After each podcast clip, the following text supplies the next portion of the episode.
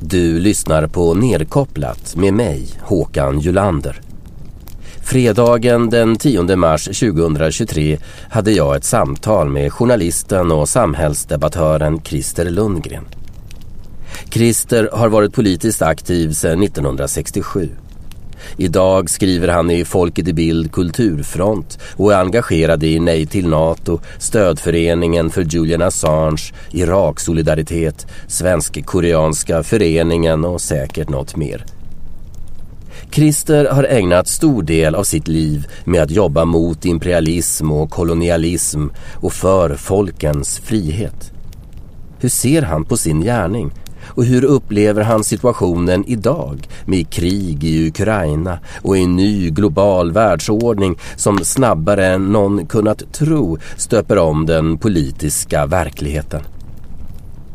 Vi sitter i Christers egna hemshus i Vällingby i Stockholm och dricker kaffe med Skorpa.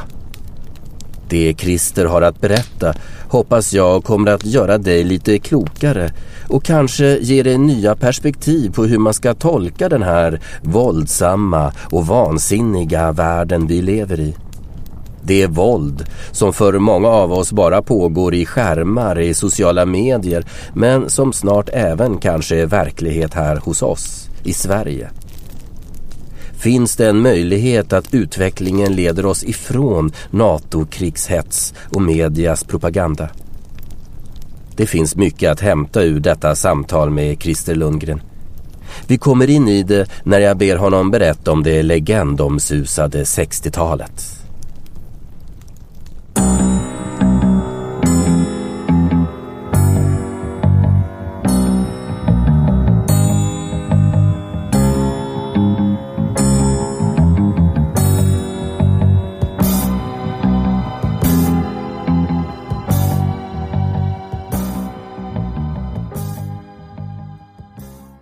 Något vis så representerar du mycket av 68orna och eh, jag tror många människor är nyfikna på hur du ser på den tiden och framförallt hur det har utvecklat sig till idag. Jag menar, kan du berätta lite om vad var det för organisationer du var med i där vid 68?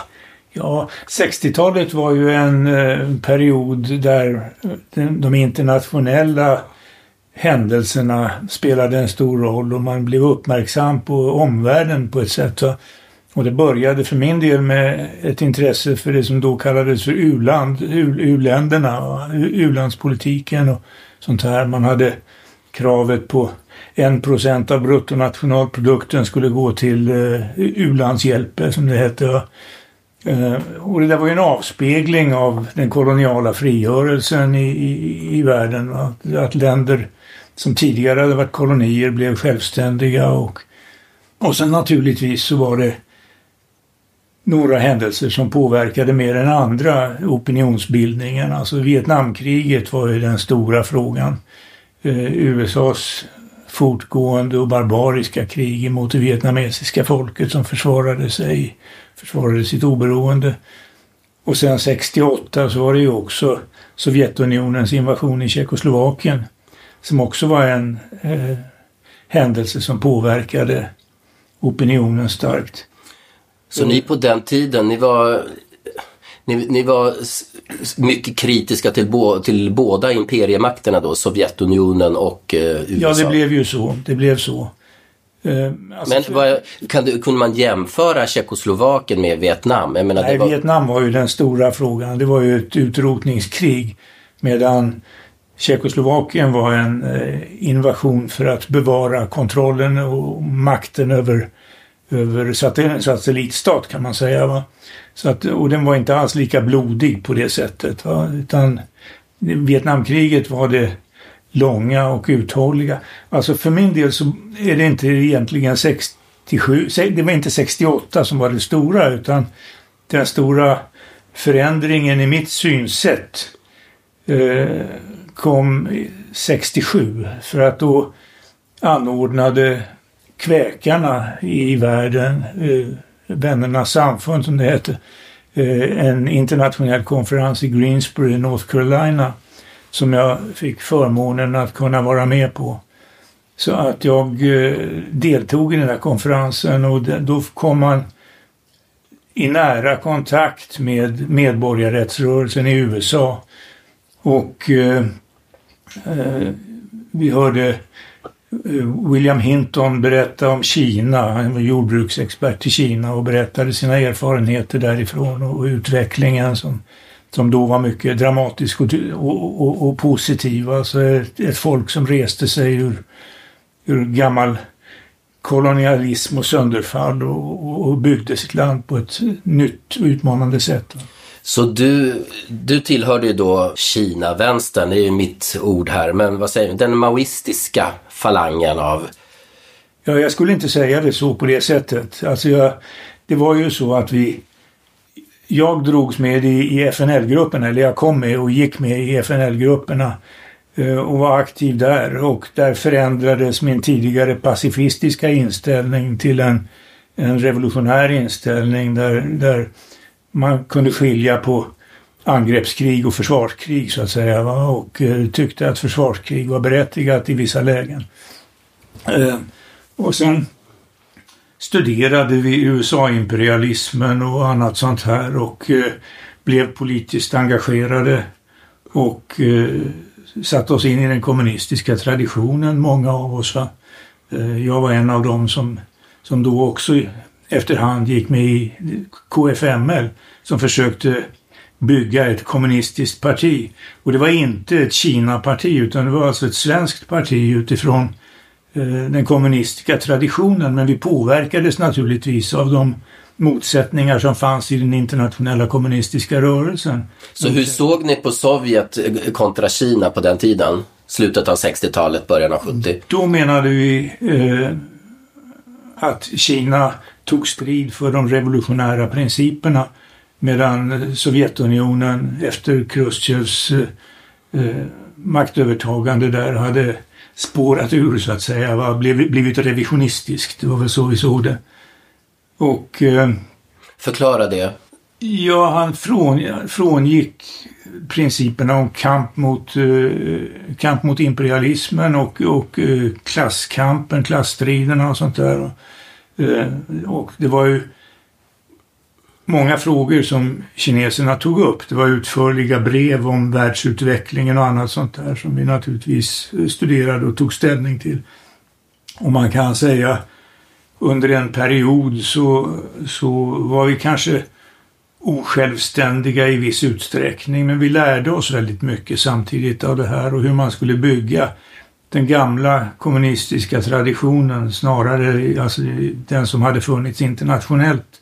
Visste ni vad som verkligen hände i Kina då med kulturrevolutionen och var, var, du, var du i Kina själv? Ja, jag var i Kina själv och jag har varit där flera gånger senare också. Eh, och eh, ja, vi visste nog vad som hände, det tror jag i stort sett, men man kan inte veta allt och, och det är ju alltid så att med tiden så lär man sig mer och man får veta mer. Och, eh, vad som hände och hur folk råkade illa ut och all, allt sånt där. Men eh, eh vi uppfattade i allmänhet, tror jag, kulturrevolutionen på ett sånt sätt att man försökte undvika den eh, förstelning som vi tyckte oss se i Sovjetunionen, alltså med, med en framväxande borgarklass, eller vad man ska säga, som, som eh, försökte ta kontrollen över samhället och som ju senare utvecklades på det sättet så att när Sovjetunionen så småningom kollapsade, eller vad man ska säga, så, så var det ju en oligarkklass som kunde sko sig på det och ta till sig folkets rikedomar. Och den klassen hade successivt vuxit fram under tiden. Och vi uppfattade kulturrevolutionen som ett försök att undvika att en sån privilegierad klass skulle växa fram i ett socialistiskt samhälle. För kulturrevolutionen, den var ju, det var ju unga människor som gjorde upp med sina föräldrars och farföräldrars generationer. Ni i Sverige var också unga allihopa, det var, eller hur? Var, hade ni några äldre, eller var det, det var liksom lite av en kulturrevolution i Sverige också? Ja, det kan man säga. Det var en generationsfråga på ett sätt. Alltså det men det fanns naturligtvis eh, äldre kamrater att lära av så att vi det var inte emot den äldre generationen men det var ju mycket ungdomar som var med i den, den framväxande rörelsen. Men det fanns äldre människor att lyssna till och lära av också. Och en grundläggande tanke i, i det här partibyggandet det var ju att inte bygga en sekt som isolerade sig från andra utan att delta i de progressiva massrörelser som fanns och att eh, spela en roll där och att vinna förtroende där. Det, det var den inställningen. Men vi ville, och fackföreningsrörelsen naturligtvis också var en viktig del av det hela. Att försöka få en eh, arbetarförankrad rörelse. Berätta, hur, hur gick det sen? Nu sitter vi här 2023. Men vad, din, vad var det som hände på 70-talet? Varför dog rörelsen ut om jag får uttrycka det så? Ja, precis. Jo, det var väl flera saker. Alltså det fanns eh, motsättningar inom rörelsen och, och, det fanns sekteristiska överslag i, i, politiken och mycket annat sånt som man kan, eh, kan diskutera. Eh, och själv så beklagar jag ju att, att vi misslyckades för att jag tycker att idag så står eh, de progressiva krafterna oorganiserade och eh, har ingen vägledande, det finns inget politiskt parti och ingen, ingen eh, vägledande kraft i rörelsen. Utan det blir ett spontant organiserande av eh, enskilda personer som gör ett bra arbete men som inte är en samlad kraft så att säga. Och orsaken till att det inte gick där, det, det finns flera orsaker men det var motsättningar mellan eh, olika uppfattningar om vilken väg man skulle, skulle gå kort sagt. Va? De flesta som var med på den tiden har ju, ja, som jag tror, ehm, eh, förändrats. Har ju inte stått kvar vid sina gamla ideal. Men du har väl ändå, nu vet jag inte, jag frågar dig istället. Hur, ja. hur, har, du, hur har du förändrats genom tiden när det gäller din ideologi? Ja, jag har förändrats på det sättet att jag har fått större erfarenhet. Och jag har ju eh, hela tiden varit med i solidaritetsarbete av olika slag aktivt. Jag arbetade ett tag, ett tag på Gnistan som utrikesredaktör. Gnistan var alltså KFMLs, eh, eller senare SKPs som det heter. Berätta vad de förkortningarna betyder. Ja, KFML betyder ju Kommunistiska förbundet Marxist-Leninisterna och det var det som bildades från början som en utbrytning ur eh, det gamla Sveriges kommunistiska parti. Och eh, som en partibildande organisation. Och Sveriges kommunistiska parti blev ju sen Vänsterpartiet kommunisterna som sen bytte namn till Vänsterpartiet bara. Eh, och gjorde sig av med sitt kommunistiska arv så att säga. Och medan däremot KFML så småningom försökte ombilda sig till parti och, och tog namnet eh, SKP. Det har ju varit ett omstritt namn som många har velat ha och som idag har... Ja, så det är två olika partier som heter SKP och ja, det är båda ett Sveriges kommunistiska parti. Ja, ja, ja det blir jo, konstigt. Det olika syn på hur man bör föra traditionen vidare. Eller, ja, olika politiska inställningar. Det som idag är SKP är någonting helt annat. Ja. Men det finns kvar idag? SKP. Det finns en organisation som kallar sig SKP idag, ja just det.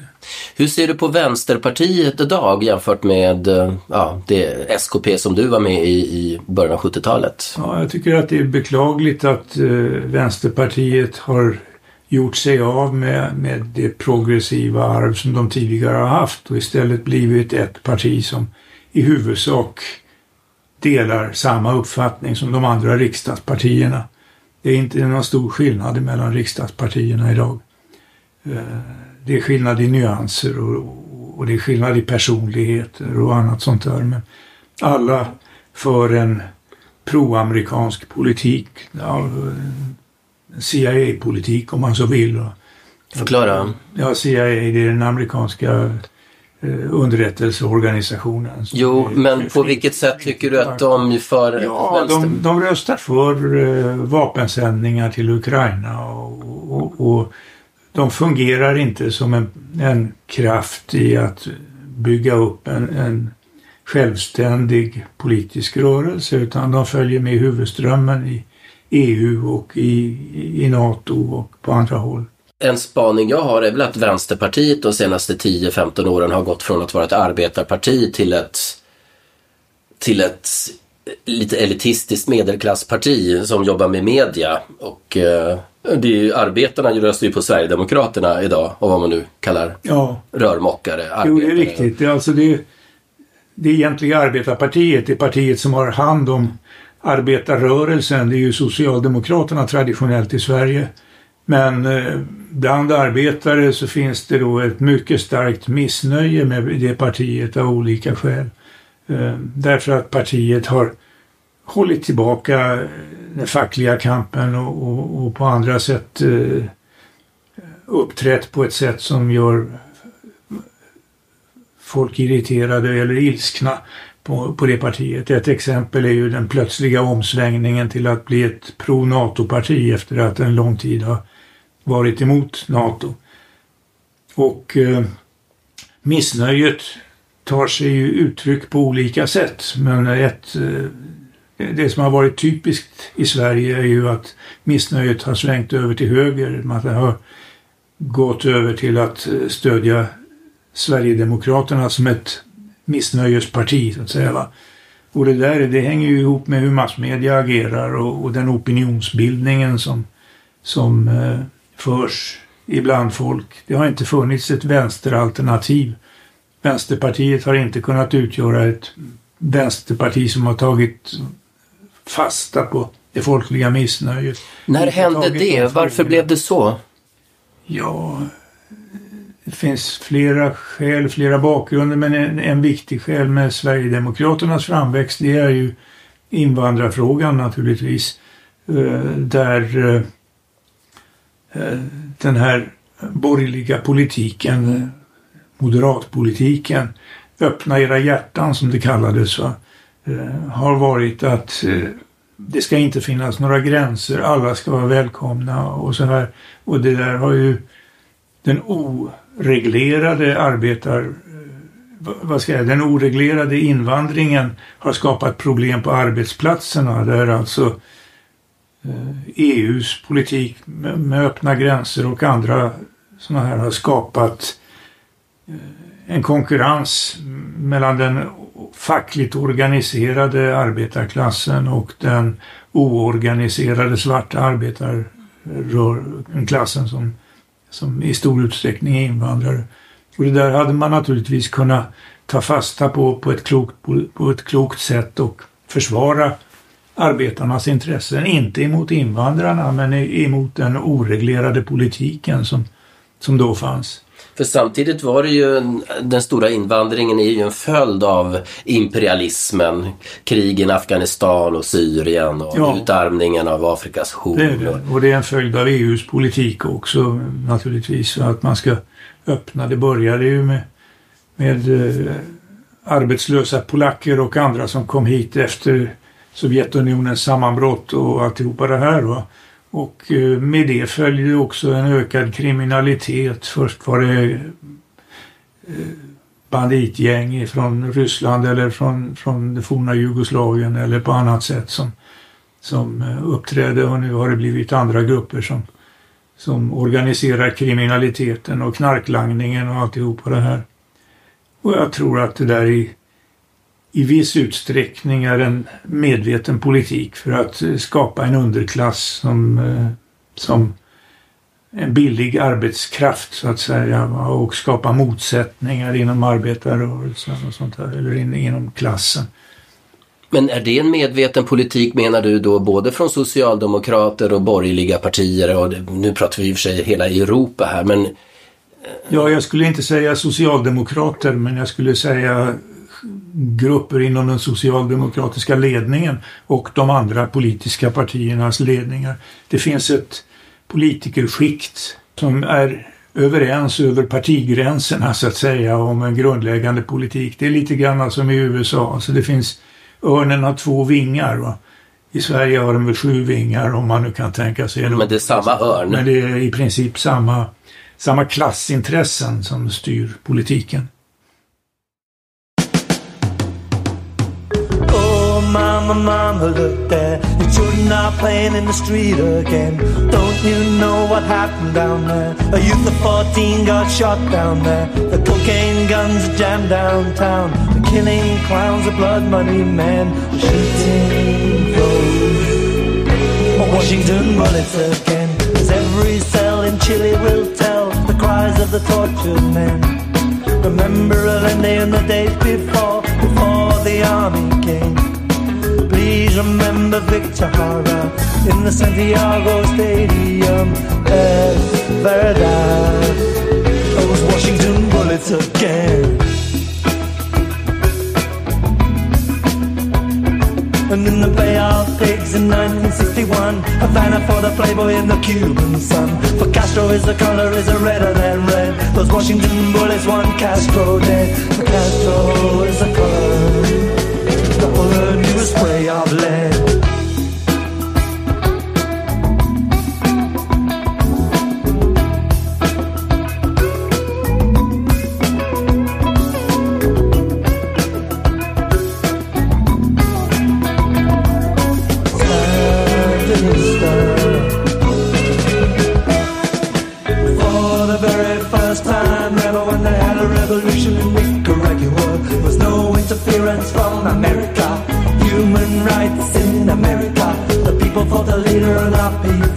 The Washington bullet, what else could he do? Sandinista. If we can find an Afghan rebel that the Moscow bullets missed, ask him what he thinks of voting communist. Ask the Dalai Lama in the hills of Tibet. How many monks did the Chinese get in a war-torn swamp? Stop any mercenary and check the British bullets in his armory. Okay.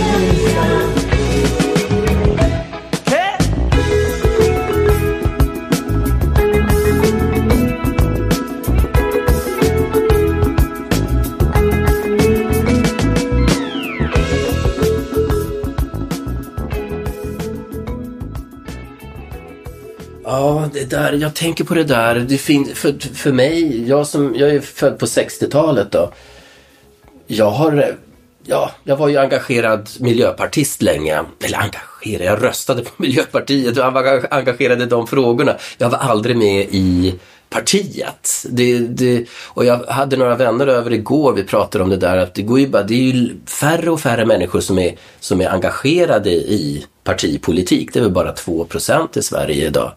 Och det finns ju, som du säger, det finns inga ja, or, stora par, partiorganisationer att aktivera sig i, att kämpa för någonting. Utan man tar, man tar sina små någonting man inte, och de få som orkar och har tid och liksom möjlighet att engagera sig i någonting de tror på, de, de väljer en fråga. Det kan vara rädda den skogen eller rädda den, eller ja, fri Julian Assange eller någonting annat. Va?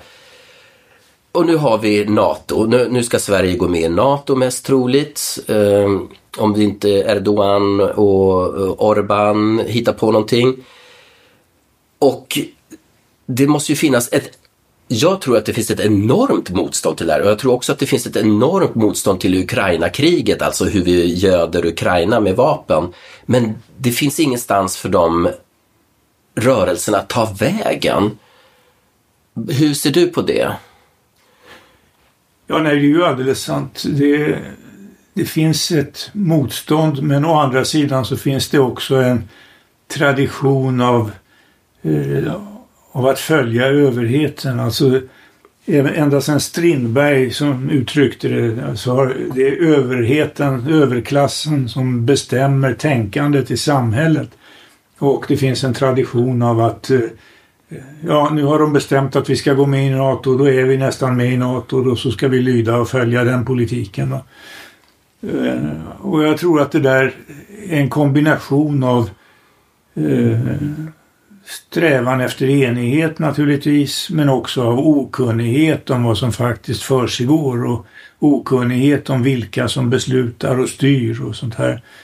Eh, Det är ju väldigt eh, oklart. Alltså jag, jag ser det ju internationellt att USA-imperialismen har under hela tiden sedan andra världskriget strävat efter att dominera världen.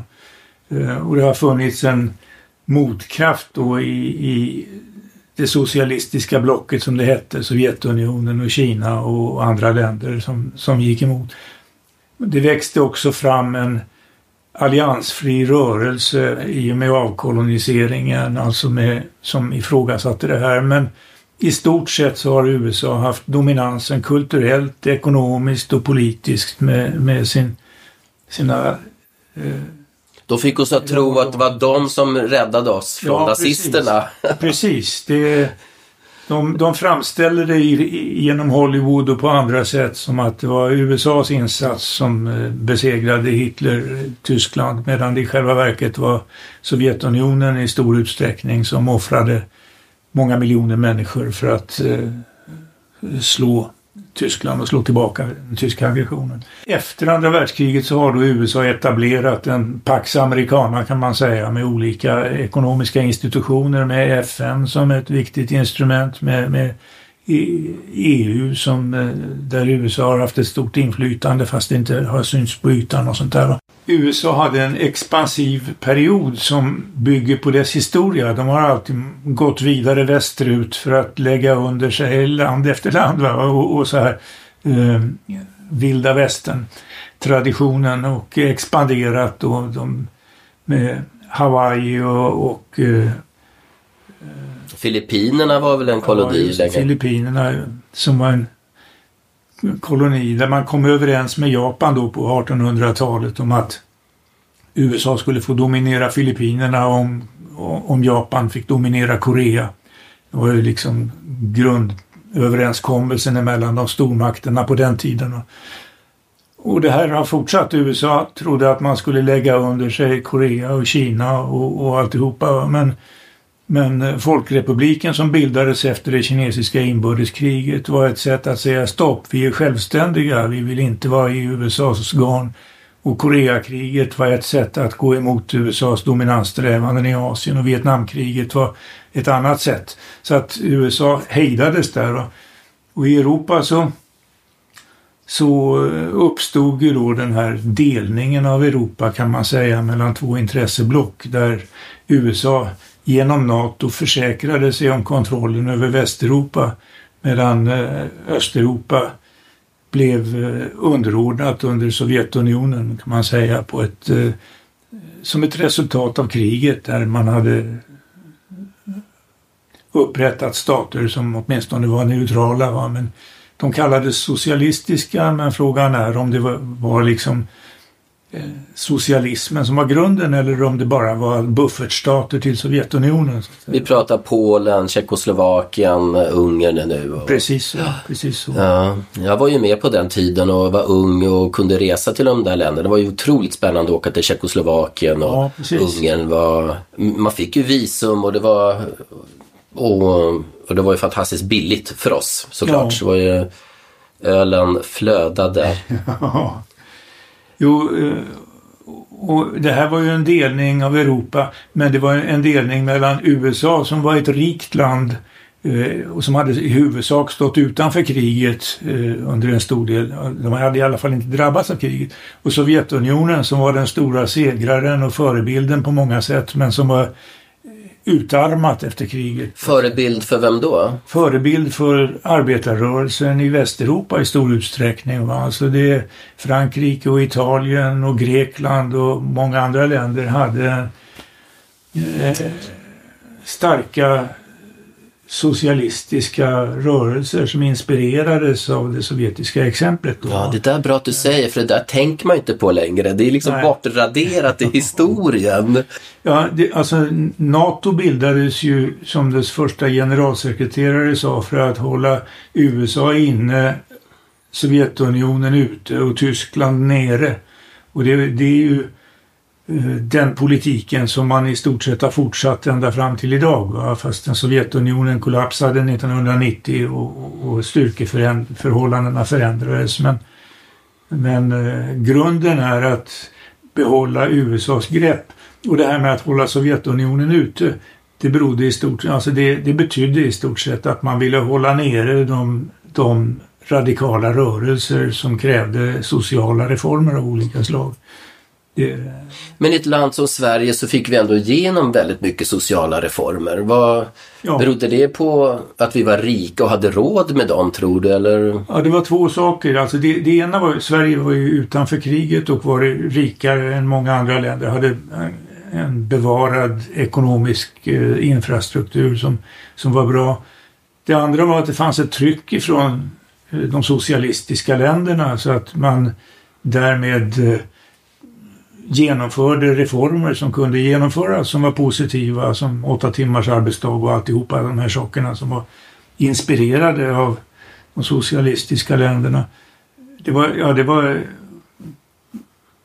en, en möjlighet för Sverige som, att ha en självständig politik, en utrikespolitik som balanserade emellan stormakterna på den tiden och särskilt fram till och med Olof Palmes tid så var det ju ett försök att skapa en europeisk självständighet så att säga. Ja, som, som, eh, och- och Att Sverige frihet- inom Europa skulle vara ett självständigt land? Ja, Sverige, Sverige skulle bidra. Sverige och Tyskland och, och Österrike och andra länder skulle bidra till att skapa en, en självständig och fredlig miljö där man respekterade andra länders eh, säkerhetsintressen och sådana här saker. Det var en del i det hela också. Eh, men man kan säga att de stora förändringarna i den politiken kom med med eh, mordet på Olof Palme och i samband med det med, med ubåtsjakten i Sverige, i Stockholms skärgård som, som eh, Ola Thunander har skrivit utförligt om. Eh, som visade sig alltså att det var västliga ubåtar som agerade för att skapa i, i samråd med höga svenska militärer för att skapa en eh, antisovjetisk opinion och omöjliggöra det här projektet. För jag, jag har alltid trott att det, var, att det inte fanns några ubåtar alls, att det bara var minkar och, och, och sillstim. Men eh, jag har också lyssnat på Thunander de sista åren och han har ju, han, är du på hans, du tror på hans tes? Att, Ja, han har ju ägnat mycket tid och, och kunskap åt att utforska det här och vetenskapligt. Och jag, jag eh, tror att han har rätt i, i, i det mesta han säger faktiskt. Han, han har grundliga fakta som basis för sina antaganden och han redovisar när det är antaganden. Men, men eh, allt tyder ju på att det är planterad, alltså vä- västmakternas, USAs framförallt då eh, agerande för att ändra opinionsläget i Sverige kort sagt. Som Falsk flaggattacker, eller vad kallar man det? Flaggattacker, Mm. Ja, just det. Precis. Som är väldigt aktuellt idag med Nord Stream-händelserna. Ja, just det. Precis. Men om vi jämför då med den, med den tiden och idag. Eh, det var ett uppdelat samhälle, det var Warszawapakten, det var NATO. Och nu har vi hamnat där igen. Fast ännu värre. Nu är det ännu mer uppdelat. Och, Ja. det, och, eh, och vad tror du, eh, vad tror du, ja nu, oj vilket, nu hoppar vi verkligen. Ja, men jag får komma att tänka på det med, med den här falsk flaggattacken, den här fantastiska eh, reportagen som kommer nu i tyska tidningar och amerikanska tidningar om att det var en liten segelbåt där det var ett gäng björn, björnligan. så- En jakt säger de väl? En yacht som... Jo, men de har ju bild på den. Det var en se- stor Ja. jaktsegelbåt. Alltså, den var inte speciellt stor, men det är en segelbåt. Större segelbåt liksom. Ja, det är så icke trovärt så det är inte klokt. Men, Ja. men på något vis så spelar det ingen roll. För att media och, media och politik har den makten att man kan säga vad som helst och vi tror på det. Eh, det är på något vis ett, eh, jag vet inte, det är eh, vi, för vi, vi, vi, vi måste tro på det, för om vi inte tror på det så kan vi inte tro på någonting längre. Ja, nej, men jag vet inte. Jag tycker den där historien faller in i ett annat mönster. Det, det var ju så att eh, eh, Cy Hirsch hade publicerat en utförlig och detaljerad artikel. Alltså, han är ju en väl etablerad amerikansk journalist, välmeriterad som jobbar med kontakter på hög nivå. Och eh, han hade fått fram utförligt material eh, som visade att det var att det var eh, ett gäng neokonservativa, neokons alltså i, i kring presidentmakten i USA eh, som hade genomfört den här sprängningen. Och, och, den artikeln har fått stor uppmärksamhet, inte i etablerade media som har försökt att tiga ihjäl eller förtala den, men däremot så har den ändå haft ett stort inflytande bland de som verkligen följer den politiska utvecklingen och sånt här. Och stort inflytande inte minst i Tyskland för att man uppfattar det som en krigshandling i, i praktiken emot, inte bara mot Ryssland utan också emot eh, USAs främsta europeiska allierade. Och i det läget så krävdes det, kan man säga, ur den amerikanska opinionsbildningen en sorts dementi som var trovärdig och som gav en annan förklaring än, än vad Hörs hade gjort i, sin, i, i sina artiklar och intervjuer som han hade gett, som hade gett mycket detaljer i det här.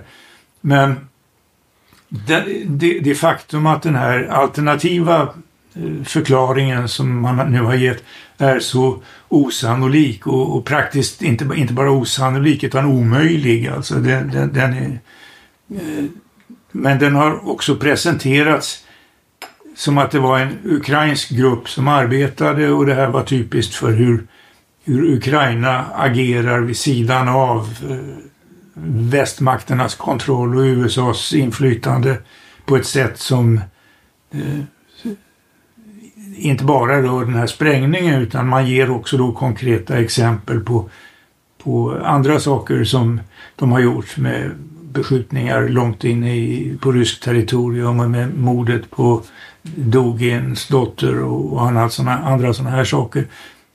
Så att det förefaller som att de som har kokat ihop den här historien inte bara vill ge presidenten ett alibi utan också vill komma åt den politik som USA faktiskt har fört under hans ledning. Alltså, jag kommer ihåg under Sovjettiden, då läste man ju sovjetiska nyheter, det fanns ju något som hette kremlologi. Att det var så vansinniga, vansinniga nyheter, man måste se vad ligger bakom. Det här är ju exakt samma sak. I Duran, de här grekiska gentlemännen Alexander och Alex ehm, Merkur, Alexander Merkuris och Alex Cristoforo. När, hur de går igenom den här eh, nya, nya uppgifterna och läser mellan raderna. För det är ju så befängt och det är så, o, det är så osannolikt. Vad menar de egentligen? Och då är det ju kod, hur man kodtalar inom eliten, inom deep state, eh, som man som talar om den djupa staten i USA. Och eh, så att så nu vet man att okej, okay, nu är det kanske dags att uh, lägga ner kriget i Ukraina eller offra Zelensky, men att att det på det viset nyheter fungerar idag från de här stora New York Times och The Guardian och Dagens Nyheter. Att det är, att det inte är riktiga nyheter utan att det, att det är vad vi ska, att man, man kastar åt pöben vad de måste tro och tycka och ge små ledtrådar hur vi ska liksom gå vidare. Det har blivit, man är så fångad i lögner. Så att jag har inte har det varit så här eh, tidigare? Jag har inte varit medveten om att det varit så här förrän typ 2015, 2016 då jag vaknade för eh, eh, det befängda liksom i nyhetsrapporteringen och, och, och, hur ensidig och lögnaktig den var. Men har det alltid varit så? Är det bara det att det har blivit tydligare nu? Att det, för folk är mer upplysta på grund av internet och sociala medier och folk vet mer att det vad, det, vad har du, om du som har varit ja, med? Nej, jag tycker det är uppenbart att eh, det intellektuella klimatet i Sverige har hårdnat. Att, det, att nu finns det bara en linje som man ska följa. All, alla ska tro på en sak. Det, det, ska inte vara någon fri debatt eller, eller diskussion och sånt där. Och det där tycker jag man kan se eh, svängningen tidigare så, så fanns det under Vietnamtiden till exempel så fanns det då intellektuella som publicerade artiklar som gick emot eh, den, den eh, etablerade synen som var proamerikanska. Eh, och det blev ju en växande diskussion där. Det där har man väl försökt att hålla sig borta så att det inte ska bli en motsvarande historia. Och, och jag tycker att no, no, ett exempel är ju eh, hur Dagens Nyheters kulturredaktion startade kampanjen mot Diana Johnston när hon publicerade eh, en bok om eh, Jugoslavienkrigen som, eh, som kritiserade västmakternas agerande och menade att det i huvudsaken var västmakterna som med USA i spetsen men, men också Storbritannien och Tyskland som hade drivit fram Jugoslaviens splittring och de blodiga krigen som var där. Medan den etablerade versionen var att eh, det här var serberna som var skurkarna och, eh, och det var Milosevic som var, var nutidens Hitler på den tiden. Det är ju alltid liksom skurken ska alltid vara Hitler och man har haft olika skurkar som man Assad, utpekat. Saddam. Precis, just det. Putin. Just det. Mm. Jo, just det. Putin är ju det nuvarande exemplet. Man, man utmålar personen och inte landet eller folket medan i själva verket angreppet riktar sig emot, emot landet och folket. Va? Och eh, Putin får symbola, symbolisera ondskan och det var likadant då. Men, men i alla fall under Jugoslavienkriget då, då, då drev ju framförallt DNs kultursida den här kampanjen emot Diana Johnston och sen har man drivit en motsvarande kampanj mot eh, vad heter han, Nobelpristagaren. Eh, jag har tappat namnet just nu men det kommer. Peter Handke. Ja, Peter Handke, ja just det. Just. Mm. På motsvarande sätt så har man alltså driv, media drevet en kampanj mot Peter Handke när han fick litteraturpriset i, i Nobelpriset i litteratur. Uh, därför att han hade en avvikande syn på kriget i Jugoslavien. Det får man inte ha så att säga. Det är så otroligt konstigt. Han var ju ändå littera... Han fick ju litteratur. Ja. Det var ju inte som att han skulle få ett pris för bästa folkpartist eller någonting. Där du, vad har litteratur med det att göra? Ja, liksom? just det. Ja. ja. men jag känner väl att under min ganska långa levnad också att det har blivit oerhört mycket svårare och att liksom ta sig fram i tillvaron med att på, vara ärlig med vad man tycker. Det, och hur svårt det är. Det, det, är, ju, det är ju få förunnat att, att ta till sig den att, att få en, en, en, en verklighetsbeskrivning som stämmer överens med verkligheten idag. För då, du matas med, man tittar på löpsedlarna på Aftonbladet och Expressen idag. Det är ju det är ju, det är ju det är fasansfullt att se vad de skriver och vad Dagens Nyheter skriver. För några dagar sedan skrev de att ryska soldater bara har spadar kvar. Ja, just och, och det, det är sån här gammal andra världskrigs-trop tror jag, att ja. man sa det redan då. Nej, men Ike Eisenhower, USAs dåvarande president, han varnade ju för det militärindustriella komplexet. Ja. Och det där har ju utvecklats så att nu kan man tala om ett militärindustriellt kongress media akademikomplex. Mm. Det, det, är, det är styrt och där styrs tankarna. Jag menar att, att uh, indoktrineringen fungerar på ett mycket effektivt sätt. Om man, man, om man inte följer den rätta politiken, om man inte tänker rätt så att säga, så blir man utesluten bland annat alltså som akademiker eller man får inte de jobben som behövs som journalist eller man, man eh, passar inte in så att säga. Alla som är måna om sin karriär eh, är också medvetna om att de måste lägga orden rätt och, och tycka rätt i de här frågorna. Va? Annars upp, uppfattas man som en eh, avvikare och eh, blir utstött och på olika sätt eh, stoppas i sin karriär. Så är det.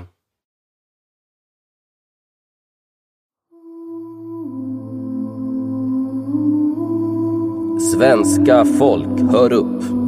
Kaosdemonen är här den skalliga örnens frihetschimär.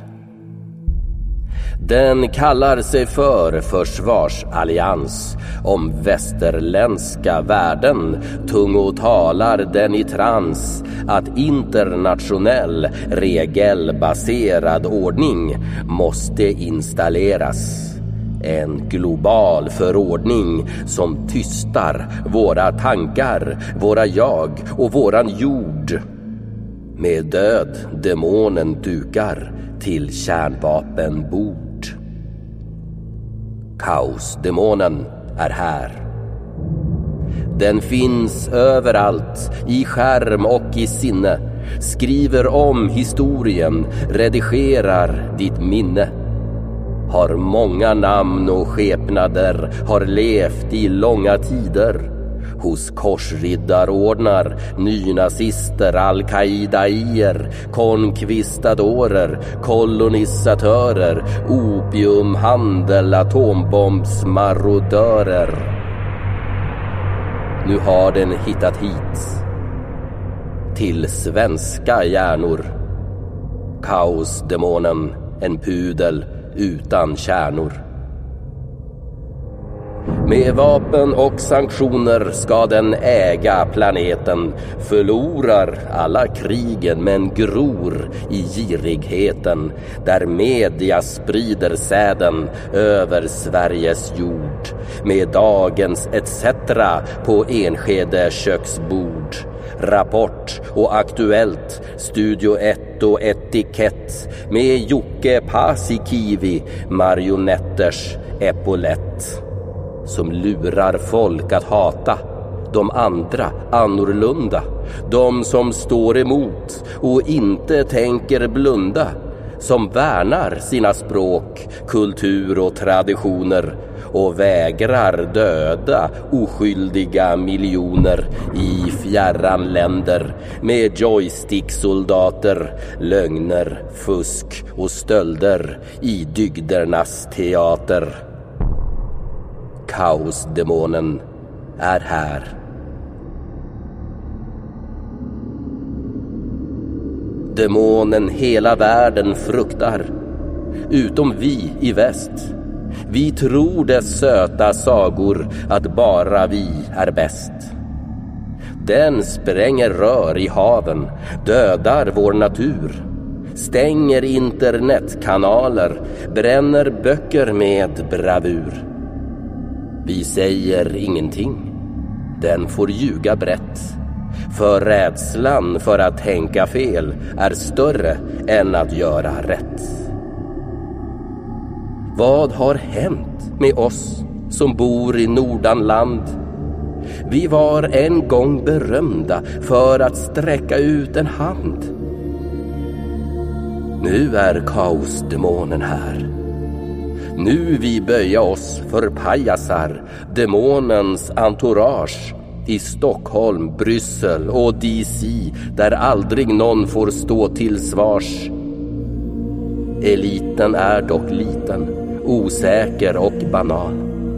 Tillsammans är vi många, vi kan också bryta avtal. Skratta åt att den är naken häckla alla hycklerier, fåniga avfärdanden om konspirationsteorier. Demonen börjar rasa då, men björnen då med sina brott och drakens fula affärer. Du är en desinformationskomplott. Den skalliga örnen då svaret får. Det är deras demoner du är vår. Kaosdemonen är rädd. För motstånd växa börjat har. Demonen är i chock. Vi proppar underkläder fulla med fredlig Novichok och synar hela kulten, alla krig demonen väckt gjuter olja över vreden likt en Saravageknecht. För vi kan tycka olika om hbtqia+, om rätten till identitet och vem vad får man ge en puss. Det viktiga är fred på jorden, icke vänsterwoke ordvrängeri eller högerplattityder, Kina, ryss och rasfobi. Därför står vi här tillsammans, följer samma stig, väljer andra mål i livet än ett tredje världskrig och slutar tänka som maskiner, binära digitala jon, upplysta Wolodarski-zombies förblindade av hatvision. Ty vi lever inte i en film som gjord i Hollywood. Detta är realitet. Demonen vill ha vårat blod. Men varför ska vi lyda den och lyssna på dess lystna krav? Varför sända våra barn att dö i sydkinesiskt hav? Kaosdemonen är här. Idag vi kallar den för NATO. I Sverige syns nu dess symptom på narcissistisk självgodhet, västerländsk Stockholmssyndrom. Hör upp, vi måste döda NATO. För Sverige finns det inget val. Men först vi måste stänga av varje mainstream nyhetskanal. Ty NATO äger våra medier. Den är både rik och stark. Den langar till det svenska folket mindervärdeskomplex knark. NATO är slutet på Sverige. Det är bara så det är. Kaosdemonen. Nu är den här. Den skalliga örnens frihetschimär. Så vi måste höja våra röster, måste sluta våra led, ropa nej till NATO, ja till fred.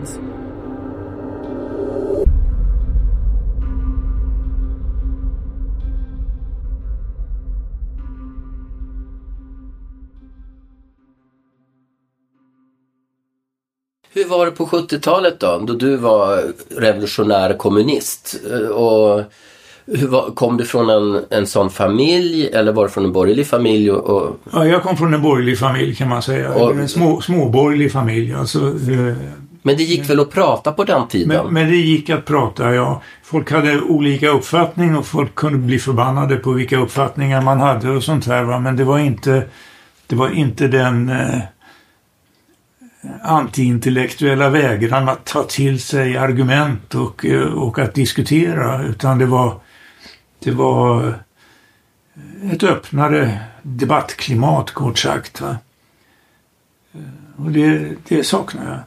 Ja, och där, det är ju liksom, det är dit vi måste hitta tillbaka. Till, till, den, till den öppenheten. Och jag tror massmedia är ju den stora boven här. Ja, massmedia är en av bovarna, men eh, jag menar ju att det här genomsyrar undervisningen i skolorna och det genomsyrar akademisk, den akademiska världen på ett sätt också som, som eh, ja, vi, vi är på väg bort ifrån demokratin och emot man skulle kunna säga fascism eller, eller alltså ett, ett, ett, ett mycket mera begränsat eh, vad, mycket större begränsningar i vad som är tillåtet att tycka och säga. Jag tycker man definitivt kan säga att vi lever i en fascism. För, nu får du hjälpa mig, för det är du som är kunnig här. Men fas, vad betyder fascism? Det är väl att företag, polit, politiker och massmedia jobbar tillsammans. Ja, det är det. det, är det. Och det är det de gör. Nu finns ju i fascismen också mera av den råa brutaliteten. Ja, men det är väl var den tidens fascism som yttrade sig med brunskjortor och koncentrationsläger, utrotningsläger. Dagens fascism ser ju helt annorlunda ut. Tack Ja, i- och lov är den inte lika våldsam på det fysiska I Europa. sättet. I I Europa. Europa. Ja, Mm. ska man säga. Den finns ju på andra håll. Eh, och även i Europa så menar jag att man våldsamt underskattar eh, de fascistiska rörelserna, till exempel i Ukraina och sånt här. Va? Det är ju, USA talar ju, har, har talat om att man stödde liberal democracy i, i, i Ukraina och att man stödde en demokratirörelse medan det i själva verket var så att man betalade in stora belopp av pengar till de fascistiska grupperna för att de skulle organisera en antirysk eh, eh, rörelse och, och beväpnad rörelse i Ukraina. Och den statskuppen som genomfördes 2014, det var ju nazister och fascister som var stormtrupper i den rörelsen. Alltså. Ja, och det var ju ingen hemlighet. Det, det, det, fick vi ju lära oss i svensk massmedia också fram till 2015, 2016, 2017. Ja, sen blev det lite mindre och mindre. Det, 20, 2016 var det Dokument utifrån, ett jättelångt program som bara handlade om, om det. Ja, det var ett franskt program. Ett franskt program, Som man visade då som hade redan då klippts ner och förkortats för att bli Det var omstritt då, ja, Det var omstritt. Men, mm. det var, men det var ändå ett program som man kunde visa. Mm. Och som låg länge ute också på, på SVT Play. Mm. Inte längre. Inte längre, det är bortplockat. ja, att de inte skämt. Det är så 1984 så att det är inte klokt. Ja, jo det är mycket likt det. Hur ska vi vända det här då? Vad tror du? Du som har sån erfarenhet. Hur... Nu tror jag, okej okay, vi, vi tar det från Jag är ganska övertygad om att NATO kommer att förlora det här kriget. Eh, I alla fall, eller vad, vad, krig, det är, alla förlorar på krig. Det är så vidrigt. Ingen vinner på, men Jo, det, men, finns, det jag, finns profitörer på kriget också. Vapenindustrin tjänar ganska rejäla pengar och och, och andra. Va? Men det, det är riktigt, jag är helt överens med dig om att det här kriget har västmakterna överskattat, USA och västmakterna har överskattat sin förmåga att genomföra det här. Man, man tittade på Afghanistan och såg att Afghanistankriget mattade ut Sovjetunionen och det resulterade i att Sovjetunionen kollapsade så småningom. Och då tänkte man att nu ska vi locka in dem i ett nytt krig så att uh, den nya regeringen i, i Moskva kollapsar på liknande sätt. Va? Men det, nya regeringen har suttit ja, ganska länge, ja, Putin och gänget. Ja, alltså med den nya så menar jag att det, den regim som, som har gjort motstånd mot NATOs dominans, så att mm. säga. För att eh, Ryssland var ju under en lång tid väldigt villigt att ha fredliga relationer och att bli accepterat och normaliserat och komma med i, i, i, i dialog med västmakterna på ett eh, fredligt och bra sätt. Va? Med stora eftergifter och allting sånt där. Men så småningom upptäckte de att NATO militärt expanderade allt närmare deras gränser och att man placerade militärbaser och, och kärnvapen närmare de ryska gränserna. Och, och man eh, raserade Jugoslavien som var relativt självständigt och, och, och bombade Serbien och, eller restjugoslavien för att vara exakt. Eh, och såg till att Kosovo slets loss och blev utrymme för en amerikansk militärbas, lång, stor och framskjuten och sånt här. Så att successivt så insåg ryssarna vad som var på gång i det här spelet och, och Putin var den som då fick ge uttryck för den ryska opinionen i, i det här motståndet. Man börjar säga att här, hit men inte längre, stopp nu. Och så Vad menar du med ge uttryck åt en rysk opinion? Du menar att det var sånt tryck inom Ryssland på att han måste, måste in, handla? Inom Ryssland och eh, framförallt inom eh, de politiskt aktiva skikten inom det, det ryska samhället så fanns det eh, en insikt om hur USA utnyttjade läget efter Sovjetunionens sönderfall. Dels för att ekonomiskt Eh, Eh, slå sönder Ryssland och, och, komma åt dess rikedomar. Och dels för att eh, militärt flytta fram sina positioner. Och där är ju det, det, det internationella geografiska läget är ju sånt så att, så att, Ryssland kan inte flytta fram sina militärbaser i Mexiko och Kanada. Va? Men USA kan flytta fram sina militärbaser i Europa på ett sätt som för dem allt närmare Moskva. Och det, det, det är klart att det utgör ett hot. Det, det måste man ju se ur ryskt perspektiv.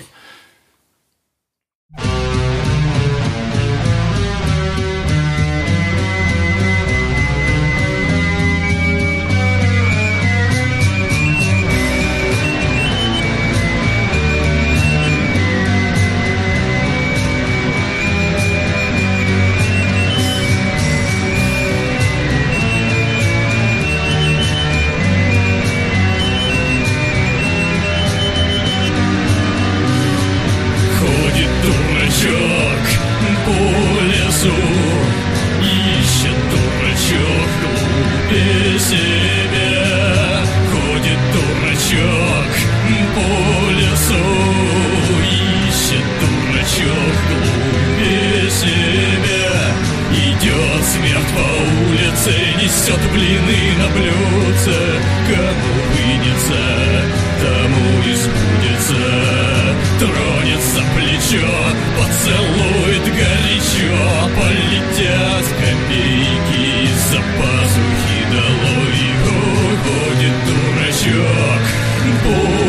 лесу, ищет дурачок глупее себя. Ходит дурачок по лесу, ищет дурачок глупее себя. Зубастые колеса завертелись в башке, в промокшей башке под бронебойным дождем закипела ртуть, замахнулся кулак, только если крест на грудь, то на последний глаз в пятах. Ходит дурачок по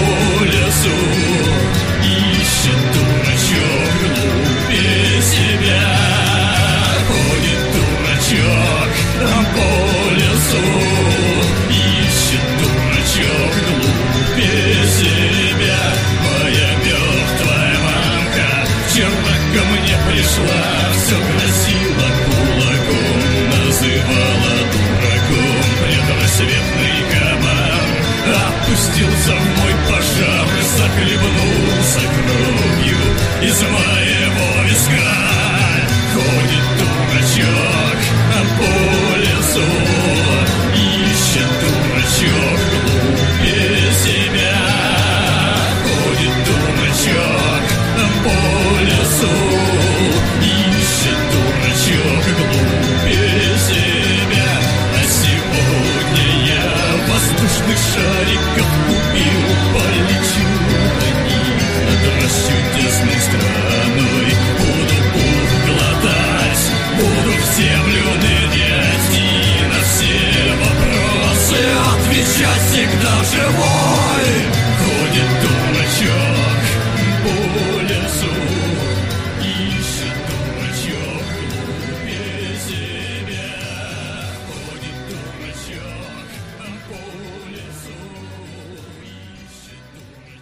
Som jag ser det nu så även om eh, liksom ett mirakel skulle ske Ukraina får en massa vapen och flyg och de slår tillbaka ryssarna, de får tillbaks Krim, de får tillbaks eh, Donbass och de här republikerna.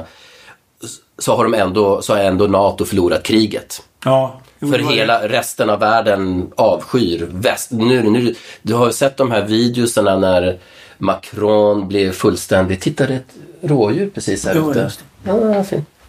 Kul. Ja, det är skönt. Ja. Eh, men eh, vad ska jag säga? Jo, men hur han blir eh, krossad av en, en ehm, förnedrad av en minister i, jag tror det är presidenten i, i det demokratiska partiet Kongo, ja. republiken Kongo. Och även en tysk nere i Namibia blir också, ni kan inte komma hit och bossa över oss längre. Det är så, alltså, und- är inte det det du har drömt om att få se? Är det inte det? Jo, jo, det är det jag tror. Alltså, eh, jag tror att det faktum att det nu finns ett motstånd emot den eh, amerikanska dominansen har gjort att, eh, och, och Kinas framväxt är naturligtvis en viktig del av det hela och också Rysslands motstånd mot, mot expansionen här. Faktiskt, det, man kan inte se Rysslands krig som ett angreppskrig mot Ukraina utan man måste se det som ett ett proxykrig, ett försvar emot de militär eh, det, det militära hot som höll på att byggas upp där. Va? Och, och det faktum att Kina och Ryssland kommer närmare varandra och att de utmanar USAs ekonomiska dominans runt om i världen. Alltså att de eh, skapar nya valutor, man kan handla olja i annat än dollar och sådana här saker. Alla de här faktorerna bidrar ju till att öka handlingsmöjligheterna och utrymmet för självständiga stater av olika slag. Indien inte minst som ju är ett jättelikt land som, som eh, balanserar här och, och säger till USA rakt ut att ni ska inte komma hit och tala om för oss vad vi ska ha för politik mot andra länder. vi bestämmer själva. Och, och till och med Saudiarabien som då har varit mycket nära till USA säger ifrån att eh, vi vill bestämma själva och vi vill ha de ekonomiska relationerna med, med Ryssland och med andra. Vi deltar inte i bojkotten. Iran Och, ja, precis. Iran också. också. Så att eh, det är en stor internationell förskjutning på gång och jag tror som du säger att eh, NATO och eh, västmakterna inser att Ukraina håller på att förlora det här kriget. Att Ryssland håller på att, eh, att eh, vinna det. Man har inte lyckats att få det här kriget. Alltså Ryssland var mera förberett på det här kriget och hade, hade ekonomiskt och eh, militärt förberett sig under lång tid för att eh, utkämpa det här kriget utan att själva drabbas av sanktioner och annat sånt här. De som drabbas av sanktionerna det är ju väst själva, det är ju Västeuropa som, som råkar illa ut på grund av att man har skurit ner handeln med Ryssland. Nu talar man ju om att skära ner handeln med Kina också. Är- Ja, nu, nu ska det bli krig i Kina istället. Ja. Eh, men tror... Alltså det, det är så väldigt tydligt att NATO gräver sin egen grav nu och i och med det så, så gräver ju vi på... Så de gräver ju en grav åt oss också. Vad, vad tror du kommer hända? Alltså, det är, jag tror inte en chans att de kommer att... De säger att de ska ut i kriga mot Kina men det... det, det de, Nej, alltså jag- de, de kan ju inte slå ner en 1,3 miljarder människor som haft en civilisation i flera tusen år. Men vad är det? Vad är det mer än västerländska människor? Hur kunde vi bli så galna? Eller hur kunde vi? För jag ser det som ett virus liksom. Att det här att, att, att vi måste sprida vår västerländska kultur med våra värderingar som van der Leyen pratar om hela tiden. De västerländska värderingarna. Det ska liksom dödas miljontals människor för att de ska tycka som vi och dricka, gå på Starbucks och äta Ja, liksom, hamburgare. men det är ideologiska skenbilder så att säga som inte har med verkligheten att göra. För det är ju inte... EU brukade förknippas med demokrati och, och, och strävan efter enighet och sånt där. Men eh, i realiteten så är det ju inte demokratiska rörelser man har stött i Ukraina utan det är ju tvärtom. Det är de antidemokratiska rörelserna som man har byggt upp där. Och, och eh, Precis som i Syrien. Det är väl Just det, mycket. precis som i Syrien. Terroristgrupper av olika slag som, som man har på olika sätt gett stöd åt och eh, saboterat om den legala regeringen där. Men innan folk blir helt tokiga när de hör det här nu. De, kun, de hade väl inte behövt starta ett krig. Eller den här, det var ju inte full styrka från början men eh, hade, eller, varför kunde de inte fortsätta liksom kämpa, kämpa, kämpa ryssarna i FN och så här? Var det helt kört? Var de tvungna att gå in militärt? Ja, det där kan man ju alltid diskutera. Alltså det, det var ju uppenbart att den ryska invasionen av Ukraina var ett folkrättsbrott. Om man ser det enkelt sett. Va? Det, det var, Ja. den, den stred emot regeln för hur länder ska uppträda mot varandra. Va? Eh, Det, var en, det var en invasion, men den var ju inte riktad emot Ukraina som sådant och mot Ukrainas folk och sånt där. Utan det var ju ett eh, en nödsituation som man säger. Alltså Ryssland uppfattade att man var utsatta för ett hot och att striden skulle komma förr eller senare. Och det gällde att välja. Skulle man vänta tills Moskva blev anfallet eller till invasionstrupper gick över gränsen i Ukraina? Eller skulle man slå till i ett, i ett tidigare skede när man hade för, bättre förutsättningar för att slå tillbaka? Eh, ur ryskt perspektiv så tycker jag man kan förstå det. Men man kan säga ur folkrättsligt perspektiv så, eh, så kan man iaktta som de flesta länder i tredje världen har gjort. eh, Eller, eller i alla fall som många länder i tredje världen har gjort. De största länderna har gjort en neutral posi, position. Kina och Indien och, och, och andra stora länder har vägrat att delta i, i kampanjen och bojkotten och sanktionerna mot Ryssland. De har iakttagit en neutralitet i den här konflikten. Som Hela Latinamerika, också Brasilien. Latinamerika, precis. Det tycker jag är en politik som även Sverige borde ha hållit fast vid och eh, kunnat göra. Och inte skicka vapen och inte, inte ta ställning och, och vara stridande part så att säga i den konflikten.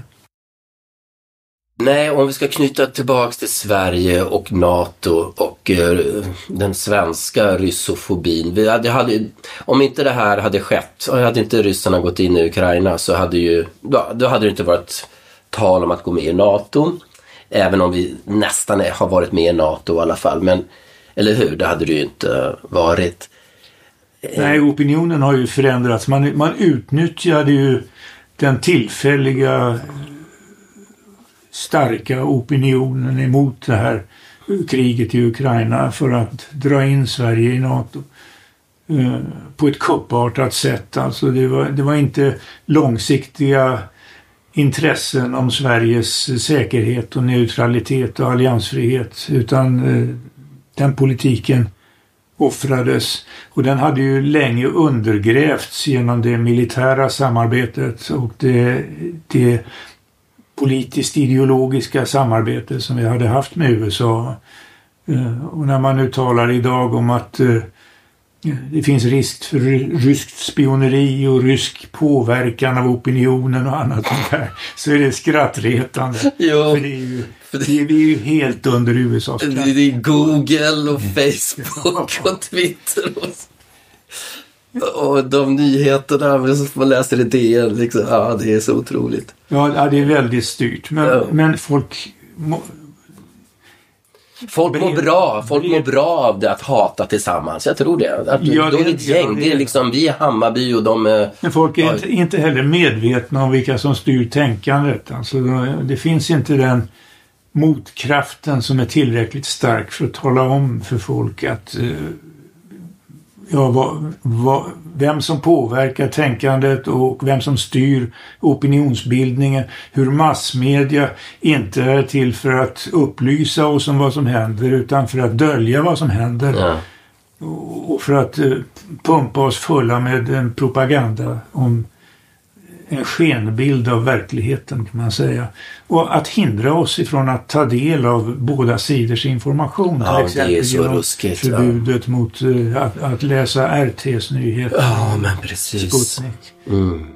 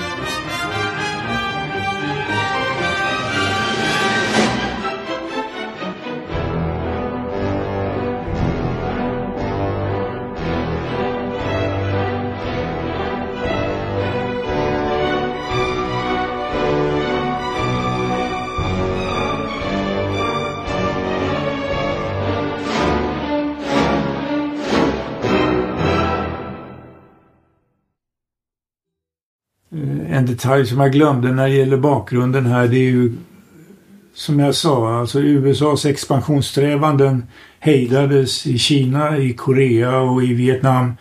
Ehm, och eh, när jag på 60-talet studerade de här frågorna och, och, så här så insåg jag ju likheterna mellan, mellan Vietnamkriget och Koreakriget som hade varit tio år tidigare. Så att jag har ju varit, sedan 1975 har jag varit aktiv i Svensk Koreanska föreningen också för att eh, sprida kunskap om, om Koreakonflikten på ett sätt va? och eh, solidaritet med, med Demokratiska folkrepubliken Korea, Nordkorea.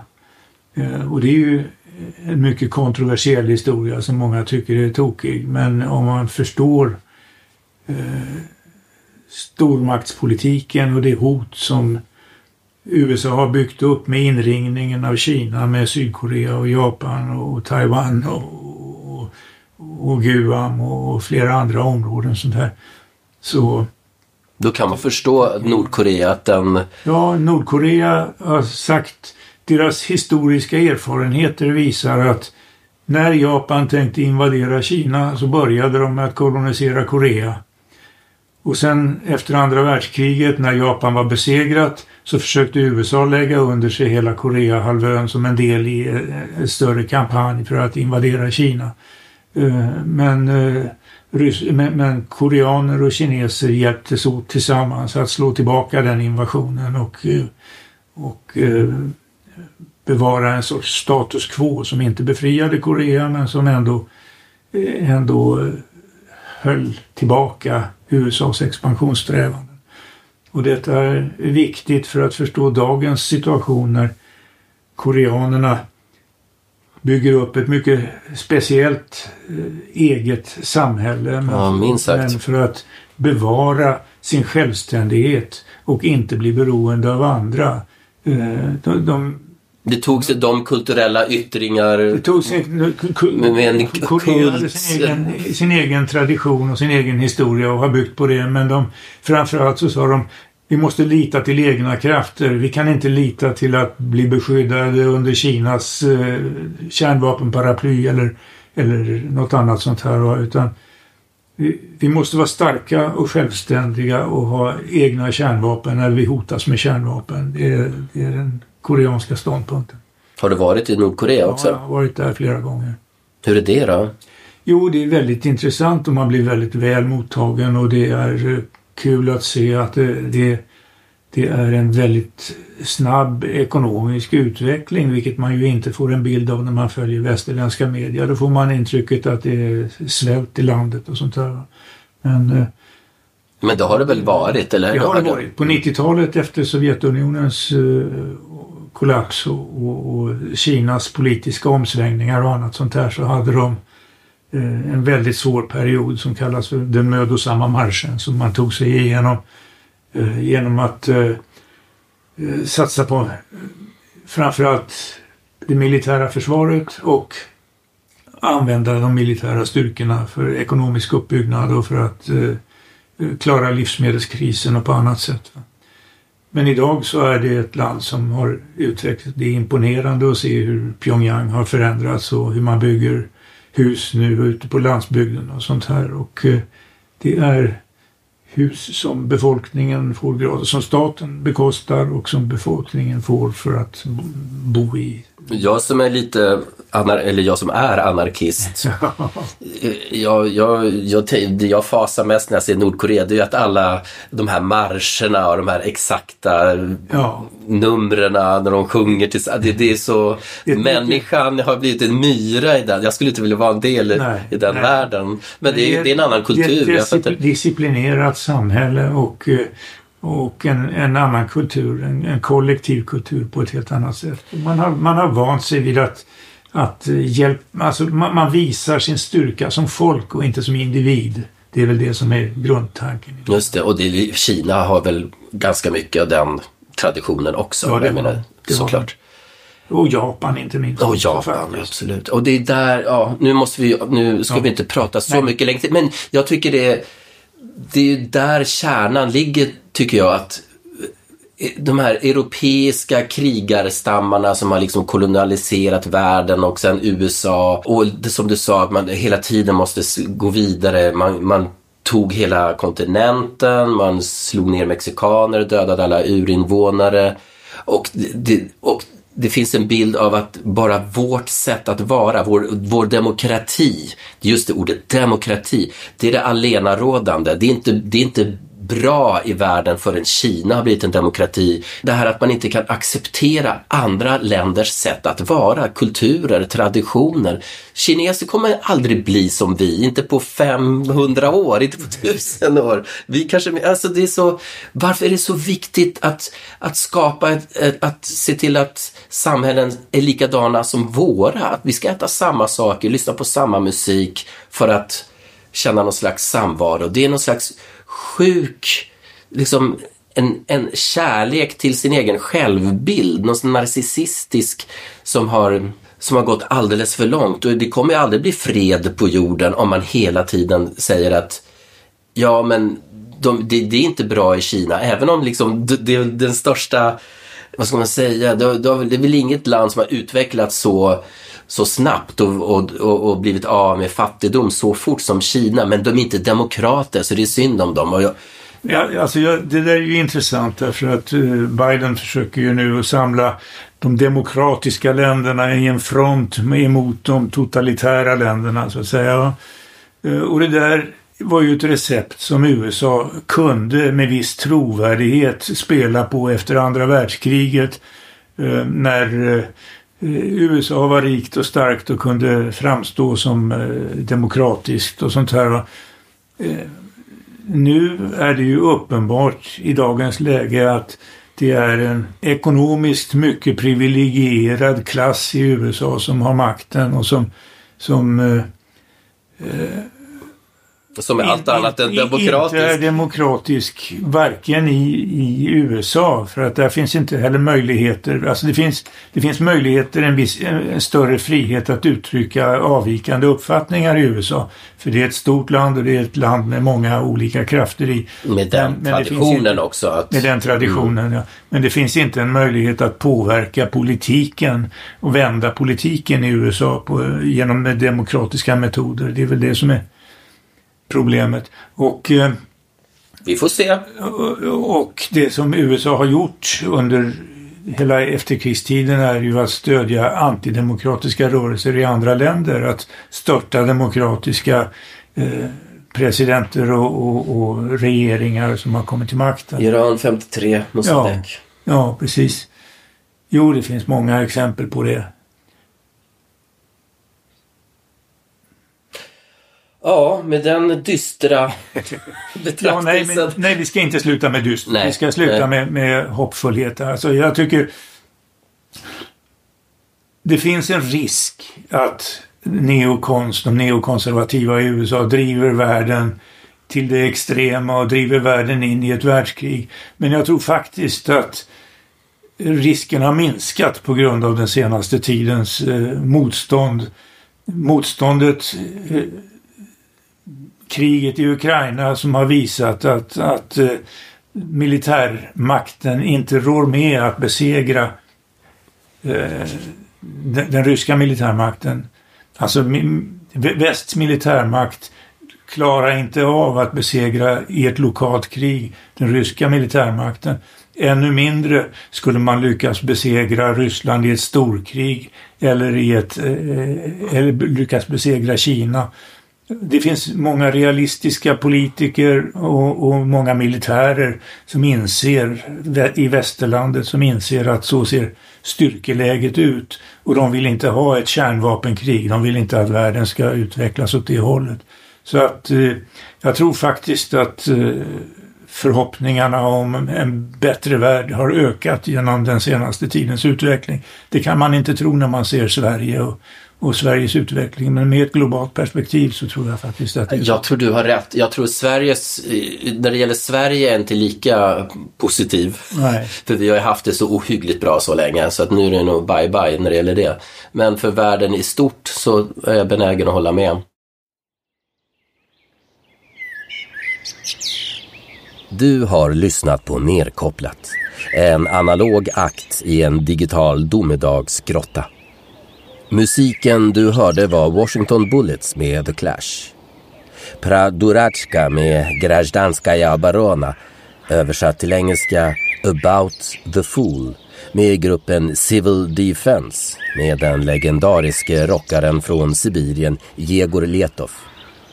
Sist ut den tonsatta konflikten mellan släkterna Montague och Capulet från Prokofjevs Romeo och Julia, svit 2, opus 64. Dikten Kaosdemonen är skriven av mig, Håkan Julander, och är ljudlagd och mixad av Jon Johansson. Jon har också mastrat hela programmet. Prenumerera på Nerkopplat. Du kan göra det gratis eller betala 5 euro i månaden. Det finns på Substack. Det går också att stödja Nerkopplat på Swish. I programnoterna finns låttexterna till Clash och Jegor Letov och annan info. Gå med Gaia.